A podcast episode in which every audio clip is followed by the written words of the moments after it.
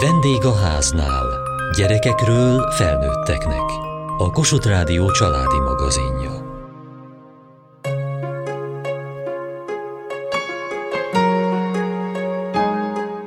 Miért választja jóval kevesebb lány a természettudományos pályákat, mint fiú? És mi vonza azokat a lányokat, akik mégis belevágnak?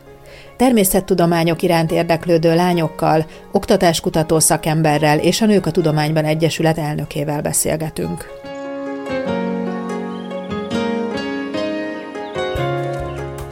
Volt egy pótapukám, aki fizikus volt, és ők nekem mindig meséltek arról, hogy az elektromosság mindenhova bekapcsolódik. Meséltek, meséltek, először gondoltam arra, hogy na, akkor a fizika jó lesz erre. Én annyira szeretek építeni és kitalálni dolgokat a saját kezem munkájából, hogy én szeretnék mérnökire menni emiatt. Jártál is fél évet a fizikus karra. Hány lány volt a karon? Meglepő volt, én a Pécsi Tudományegyetemre jártam, és ott nyolcan voltunk, öt lány és három fiú. Meglepően sok volt a lány, és mi nagyon örültünk neki, mert mindenki azt hitte, hogy egyedül lesz lány. Engem mindig is érdekeltek a reáltudományok. Elkezdtem benne egy kicsit kutatni, kicsit utána járni, amennyire tudtam, gőzerővel elkezdtem rá készülni. Van egy nagyon rendes nagypapám, és ő korepetált engem fizikából és matematikából, szóval neki a segítségével. Ha nagy leszel, mi leszel? Villamosmérnök? Remélhetőleg igen. A barátaid mennyire fogadják el? Általában nem ilyenekkel foglalkoznak a barátaim, ők nagyot néztek, akik régóta ismernek, viszont maximálisan támogatnak benne. A természettudományos oktatás válságban van, kevés a tanár, kevesen választják ezt a pályát, a lányok pedig különösen hátrányos helyzetben vannak. Mi áll annak a hátterében, hogy a lányok kevésbé választják a természettudományos pályákat? Német Szilvia, a T Tudok Oktatáskutató Központ igazgatója. Általában a lányokat egy társadalmi elvárás inkább más irányba szokta bátorítani, vagy, vagy irányítani, és ez nagyon szépen nyomon követhető nemzetközi mérésekben is, tehát ugye ez a ismert PISA mérés, ami a 15 éves fiataloknak a kompetenciáit próbálja vizsgálni, az is rendre azt mutatja, hogy szövegértésben a lányok szignifikánsan jobbak, tehát a magyar eredmények is ezt mutatják, mint például matematikában. A természettudományi kompetenciáik azok általában hasonlók a fiúkéhoz. Ez a nagy különbség, ez a szövegértésben ki kiugró, és ezzel már valahogy a középiskola is, sőt az általános iskola is inkább a bölcsész vagy más típusú segítő szakmák felé próbálja terelni a lányokat. Nagyon érdekes eredményünk volt néhány évvel ezelőtt, amikor megpróbáltuk kontrollálni a tanulási motivációt ezekbe a mért eredményekbe. Ez azt jelenti, hogy ha kivesszük a modellünkből azt, hogy a lányok és a fiúk tanulási motivációja milyen, vagy egyformának vesszük, akkor azt lehet látni, látni, hogy a lányok eredménye természettudományból és matematikából is így jobb lesz. Tehát nem a kognitív képességekkel van a probléma, hanem sokkal inkább én azt gondolom, hogy a pedagógusok egyfajta rejtett tantervként, tehát más modellt mutatnak a lányoknak, mint a fiúknak, és miután nagyon elnőiesedett a pedagógus pálya, tehát a lányok ezekre a női modellekre sokkal vevőbbek is, mint a fiúk, és néhány olyan adottságuk is ezt megalapozza, mint például Például pont idén volt a KTI-nek, tehát a Közgazdaságtudományi Intézetnek egy nemzetközi vizsgálata, ami megpróbált különbséget tenni, tehát a nemi különbségeket kereste középiskolás lányok és fiúk között, és ők azt találták, hogy a lányok sokkal inkább önzetlenek, sokkal inkább csoportos probléma megoldók, és megpróbálják elkerülni a kihívásokat, és a, a versenyhelyzetben nem szívesen lépnek be, tehát oktatási szituációban sem, míg a fiúk sokkal inkább egyéni probléma megoldók, sokkal inkább még akkor is belemennek bizonyos versenyhelyzetekbe, amikor ők maguk is tudják, hogy kevésbé megalapozott a tudásuk bizonyos területen, mint a lányoknak, és számunkra az lenne érdekes, nem csak oktatás kutatóként, hanem fejlesztőként is, hogy hogyan lehet ezt kamatoztatni az osztályterembe, tehát hogyan lehet olyan szituációkat létrehozni, tehát nevelési szituációkat, amikor ezeket a különbségeket lehetne árnyalni, sőt a lányok számára és a fiúk számára is más-más modelleket megerősíteni.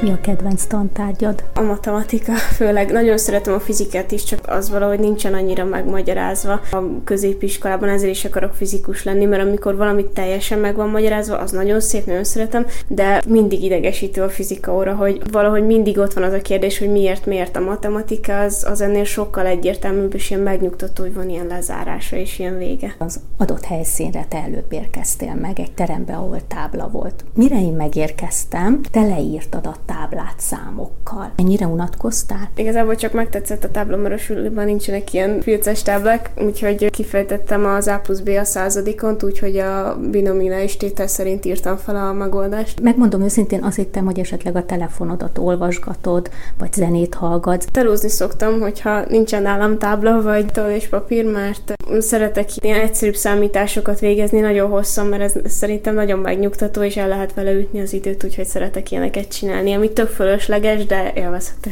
Dr. Balázsi Katalin, a Nők a Tudományban Egyesület elnöke és az Energiatudományi Kutatóközpont Vékony Réteg Fizika Laboratóriumának laboratórium vezetője. Miért volt szükség arra, hogy Nők a Tudományban Egyesületet hozzanak létre? Ez egy hiánypótló egyesületnek indult, tíz éve alapult, tíz kutatónő alakított ezt az egyesületet, azzal a célral, hogy egyenjogúságot biztosítsunk a női kutatók számára is, akár a pályázati feltételeknél, akár a pozitív példáknak a kreálásában, mert nem látnak a fiatal lányok pozitív példákat, akiket aztán követhessenek, a sztereotípiák rombolására, hogy megmutassuk, hogy ez, ez egy hiedelem, hogy ezek férfias szakmák, úgyhogy ez az Egyesületnek a múltja, és most már 12 éve aktívan dolgozunk ezen, és bízunk benne, hogy még jó sokáig tudjuk segíteni a fiatal lányokat a STEM területeken. Milyen programjaik vannak? Nagyon sok programunk van, a fiatal lányoktól, a 10-12 éves lányoktól egész a kutató nőkig.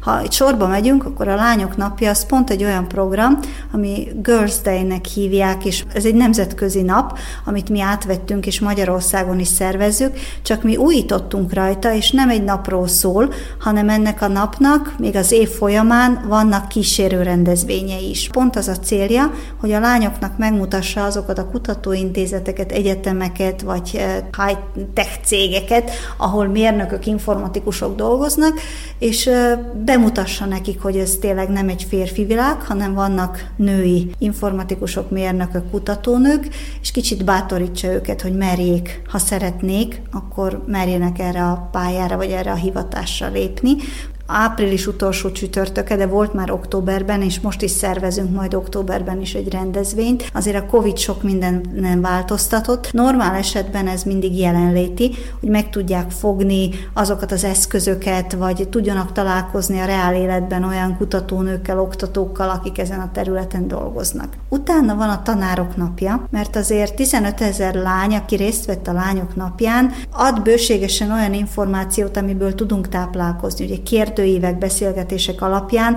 azért látjuk, ki ösztönzi őket a részvételre, merre mennek tovább, után követjük, a, ha nem is mind a 15 ezeret, de azért van egy jó nagy adatbázisunk. Itt a tanárok napjának az a célja, hogy érzékenyítsük a tanárokat, mert ugye nagyon sok tanár nem is tudja motiválni a fiatalokat, most nem kimondottan a lányokról van szó, az új pályák iránt mert megjelent a robotika, UX designer, és annyi mindenféle új lehetőség, amiről lehet, hogy nem is tudnak, ezért nem is tudják, hogy mit kell ahhoz tenni, vagy milyen egyetemekre, vagy milyen továbbképzéseken kell részt venni, hogy később a fiatalok itt tudjanak érvényesülni. A Smarties program, ez 11-es lányoknak működik, most már negyedik éve zajlik. Ez egy mentorációs program, ahol 20-22 lány, ezek is jelentkezhetnek és kiválasztás alapján kerülnek be a csoportba, két mentorral egy éven keresztül fejleszti a matematikai készségeiket, és igazából arra ösztönözzük őket, hogy megtanulják a normál életben használni a matematikát. Heti egyszer van egy foglalkozás a mentorokkal egy éven keresztül, és a végén pedig a szülőknek bemutathatják egy ilyen nyílt nap keretében, hogy mit is tanultak, vagy hogy tudják alkalmazni azokat a módszereket, amit megtanultak. Általában ezek a fiatal lányok az egyetemen is a természettudományos szakokat választják? Igen, nagy részük igen. Sok lány ott szembesül vele, hogy nem is olyan bonyolult a matematika, kicsit másképp kell hozzáállni. Nagyon sok lányból lesz utána informatikus, egyetemi tanárokkal, oktatókkal is dolgoznak, úgyhogy a lányok nagy része innen már a műszaki egyetemen folytatja, és ez szerintem jó a cégnek is, és jó a fiatal lányoknak is, mert olyan lehetőséghez jutnak teljesen ingyen, amit lehet, hogy máshol nem tudnának hozzájutni. 你。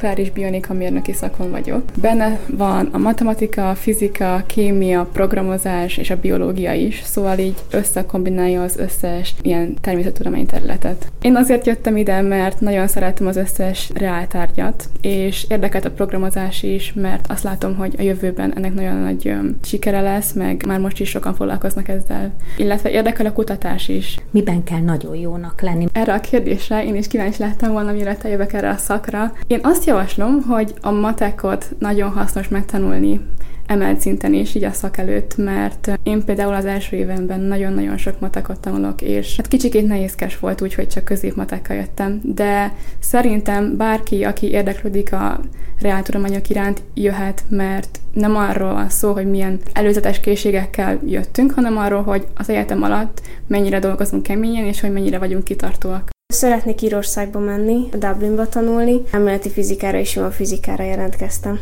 Mit kell azért tenni, hogy valaki idáig eljusson fizikából? Nagyon sokat kell gyakorolni, iskolán kívül foglalkozni vele, én ezt nem teszem, de szerintem az a lényeg, hogy meg tudja azt érteni, hogy az, amit tanulunk a középiskolában, annál ez sokkal több, és hogyha ez érdekli, akkor ebbe belássa magát, és kell egy jó érettség, és akkor felveszik, ahova szeretne menni. Azért azt áruljuk el, hogy te versenyet is nyertél. Kutatódiákok mozgalmának van egy ilyen versenye, a Tudományos Diákkari Konferencia, konferencia, és annak nyertem meg tizedikesként a Kárpát-medencei döntőjében a National Instrument szekciót, ahol nagy díjas lettem.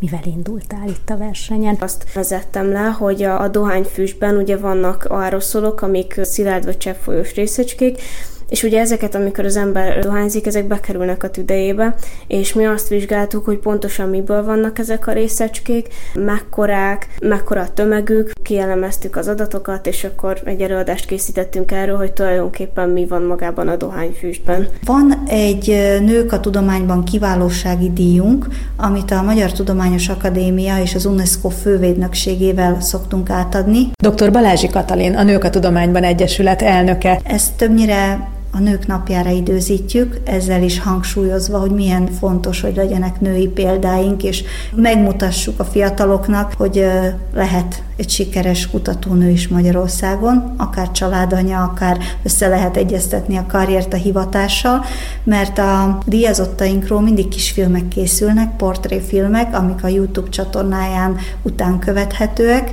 Többnyire rendezvényeken utána promotáljuk ezeket a fiatal kutatónőket, akik sikeres kutatók is, emellett ugye sikeres családanyák is, mert hozzák a gyerekeiket, és lehet látni, hogy milyen jó hely tudnak állni mindkét pozícióban, de itt mindig hangsúly, hogy azért a család is sokat segít, és melléjük áll a férj vagy a család, mert egyedül ezt nagyon nehéz megvalósítani.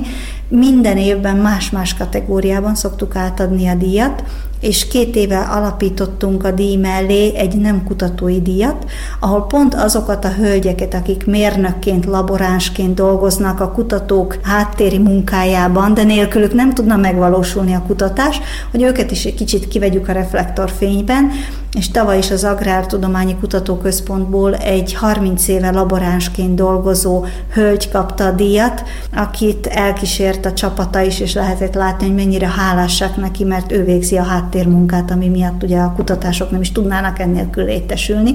Úgyhogy ez egy újításunk a, a kutatói díjban, és emellett pedig olyan workshopokat vagy előadás sorozatokat is szoktunk szervezni, ami mentorációval foglalkozik, vagy az, ha van egy adott téma, például a kutatói pályán egy női kutatókkal kapcsolatos témakör, akkor erre azért szoktunk egy-két napos workshopot vagy tréninget rászervezni. És amit még nem mondtam, mert tavaly nem volt, ez a szindikátor verseny, ami PHD diákoknak és MSC diákoknak van. Itt pedig három percbe kell nekik elmondani a laikus közönségnek, hogy mivel is foglalkoznak, de olyan módon, hogy ezt meg is értse a laikus közönség, aki épp nem a kutatói szférában dolgozik.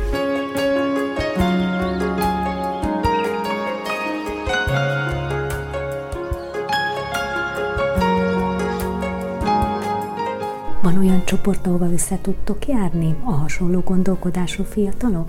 kutatódiákok mozgalma. Itt versenyeket szoktak csinálni, és nekünk az iskolánk felajánlotta, hogy akkor csináljunk egy kisebb projektet, és akkor abból készüljünk. Ez a kör, ez a kutatókör miben segíti a fiatal tehetségeket? Hagyják őket kibontakozni, hallgatják, segítik a munkájukat, és hogy még több tudást kapjanak és érdeklődést. Mennyi lány van ebben a körben? Jó, azért egy elég erős egy harmad, de talán kicsit kevesebb, de egyharmad ez mindenképp megvan. Jó részt a versengő szituációkat dominánsak az oktatásban, amiben a fiúk szívesebben részt vesznek. Német Szilvia, a Tét Tudok Oktatáskutató Központ igazgatója. Igen, ez szerencsére most már változó félben van, tehát az együttműködés kooperatív alapú tanulásszervezés is már egyre több iskolában megjelenik, de hagyományosan igen, tehát hogyha azt mondjuk, hogy mi az a hagyományos modell, amiben a legtöbb iskola tanít, az még mindig a frontális tanulásszervezés, amikor áll a pedagógus a tábla előtt, kérdez, azok, akik tudják a választ, válaszolnak, és ennek a frontális módszernek sokkal inkább folyamánya vagy al része az, amikor egyénileg oldunk meg problémákat, amikor versenyzünk,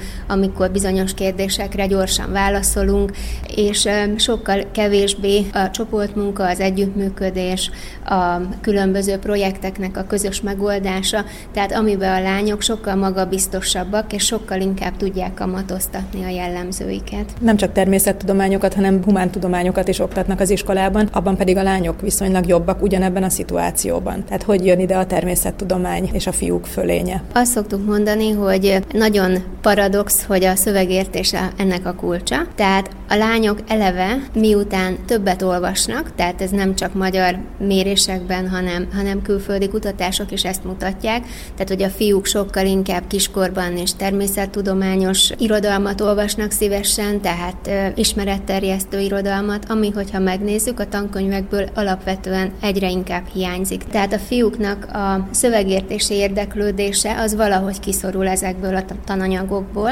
és így az ő szövegértésük nem is fejlődik annyira. Nagyon érdekes látni azt, hogy a fiúk azért választanak inkább úgynevezett MTMI vagy STEM-nek nevezett szakokat, tehát mint a matematika, informatika, stb., mert ez visszavezethető az ő olvasási szokásaikra, szabadidős tevékenységükre, mint akár a videójáték például, vagy a számítógépes játékok, ami szintén a fiúk körébe mérhető módon elterjedtebb, mint a lányoknál, és még ami ide tartozik, hogy a kommunikációs képességük is, vagy készségük a fiúknak eltér a lányokétól. Tehát mind ezek az alap olyan jellemzők, amit az iskola szívesen értékel, azokat a fiúkban kevésbé találja meg, és ezért amiben sikerélménye van a fiúknak, az a technikai tudás alapú dolgok, a matematika, az ismeretterjesztés kapcsán a természettudomány, és alapvetően megpróbálja a rendszer is, és ők maguk is a fiúkat inkább ebbe az irányba tolni. Mind a lányok, mind a fiúk számára nagyon-nagyon meghatározó az, amit a körülöttük lévő környezet sugal, vagy amilyen irányba tolja őket. Miért lenne fontos, hogy a lányok nagyobb arányban válasszák a természettudományos pályákat? Mindenképp nagyon fontos lenne, hiszen nagyon nagy mértékben feltételezzük azt, hogy ugyanúgy tehetségesek, kiváló pályaképek lennének előttük, tehát, hogy egy zsákutcás pályaválasztás helyett sokkal fontosabb lenne az, hogy ők is megtalálják az érdeklődésüknek megfelelő olyan területeket, ahol ki tudnának teljesedni, és megfelelő munkakörülmények közé kerülnének. Ezen kívül pedig ugye a lányoknak eleve egy pedagógus, aki úgy gondolja, hogy ő kompetens ebben. Például egy rendkívül sarkalatos pont a természettudományos attitűd kialakulásában, tehát egy természettudományi tárgyakban kevésbé magabiztos alsó tagozatos pedagógus, pedagógus, akár nő, akár férfi, nagyon nagy mértékben fogja befolyásolni a későbbiekben a lányoknak a hozzáállását és a fiúkét is magához a természettudományos tárgyakhoz.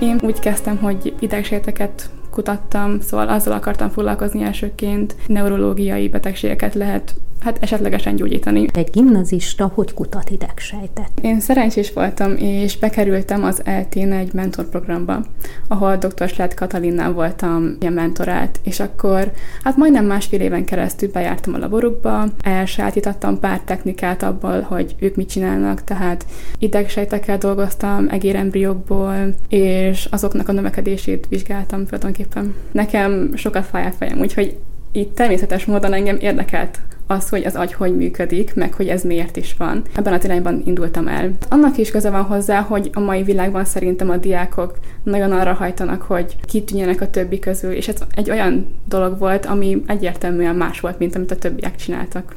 Önt mi vezette az anyagtudomány területére? Dr. Balázsi Katalin, a Nők a Tudományban Egyesület elnöke. Hú, ez egy jó kérdés. Középiskolába, egy elektrotechnikai középsuliba jártam, ahol a szüleim írattak be, és nem saját döntésem volt.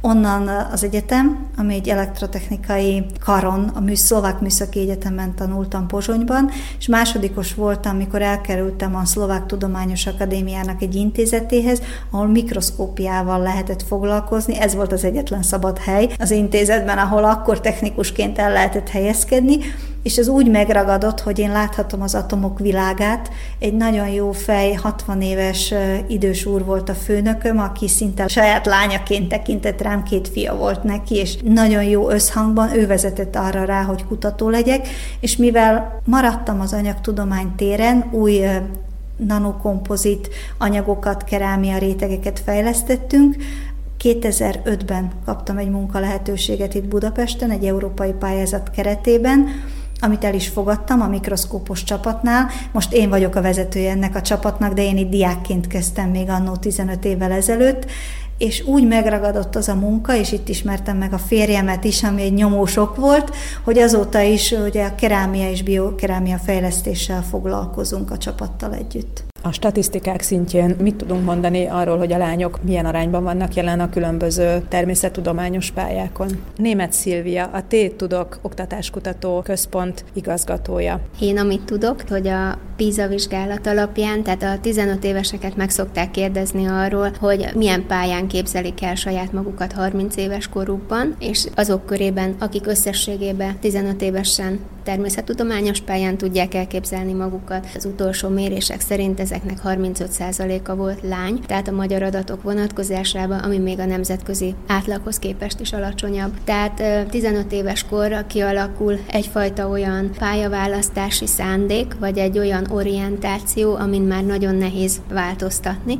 Tehát ezért fontos odafigyelni 15 éves kor előtt, sőt, ugye az általános iskola alsó tagozaton. A család, a szülők mit tehetnek ennek érdekében? A szülőknek nagyon nagy szerepe van. Mindenki elmondja a PISA vizsgálat kapcsán, hogy a családi háttér nagy mértékben befolyásolja a teljesítményt, de nagyon nagy mértékben befolyásolja a pályaválasztást is. Az, hogy milyen típusú közös programjaik vannak, itt mennyire van lehetőség arra, hogy nem csak természetjárás, hanem a különböző ismeretterjesztés a természeti jelenségekről, tehát családon belül is téma legyen, a gyerekeknek a, a szövegértését tudatosan javítsák a szülők, vagy egyáltalán odafigyeljenek a gyerekek egyéni érdeklődésére, és hogyha egy lányt például nem a szokványosnak gondolt pályák érdeklik, hanem, hanem ettől eltérő, akkor azt próbálják meg bátorítani.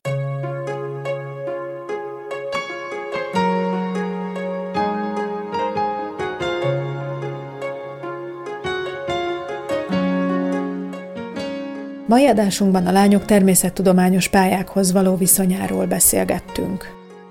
Kövessék műsorunkat podcaston, vagy keressék adásainkat a mediaclick.hu internetes oldalon. Várjuk leveleiket a vendégháznál kukac mtva.hu e-mail címen. Műsorunk témáiról a Kossuth Rádió Facebook oldalán is olvashatnak. Elhangzott a vendégháznál. A riporter Hegyesi Gabriella, Juhász Tímea, A gyártásvezető Mali Andrea, szerkesztette a felelős szerkesztő Hegyesi Gabriella.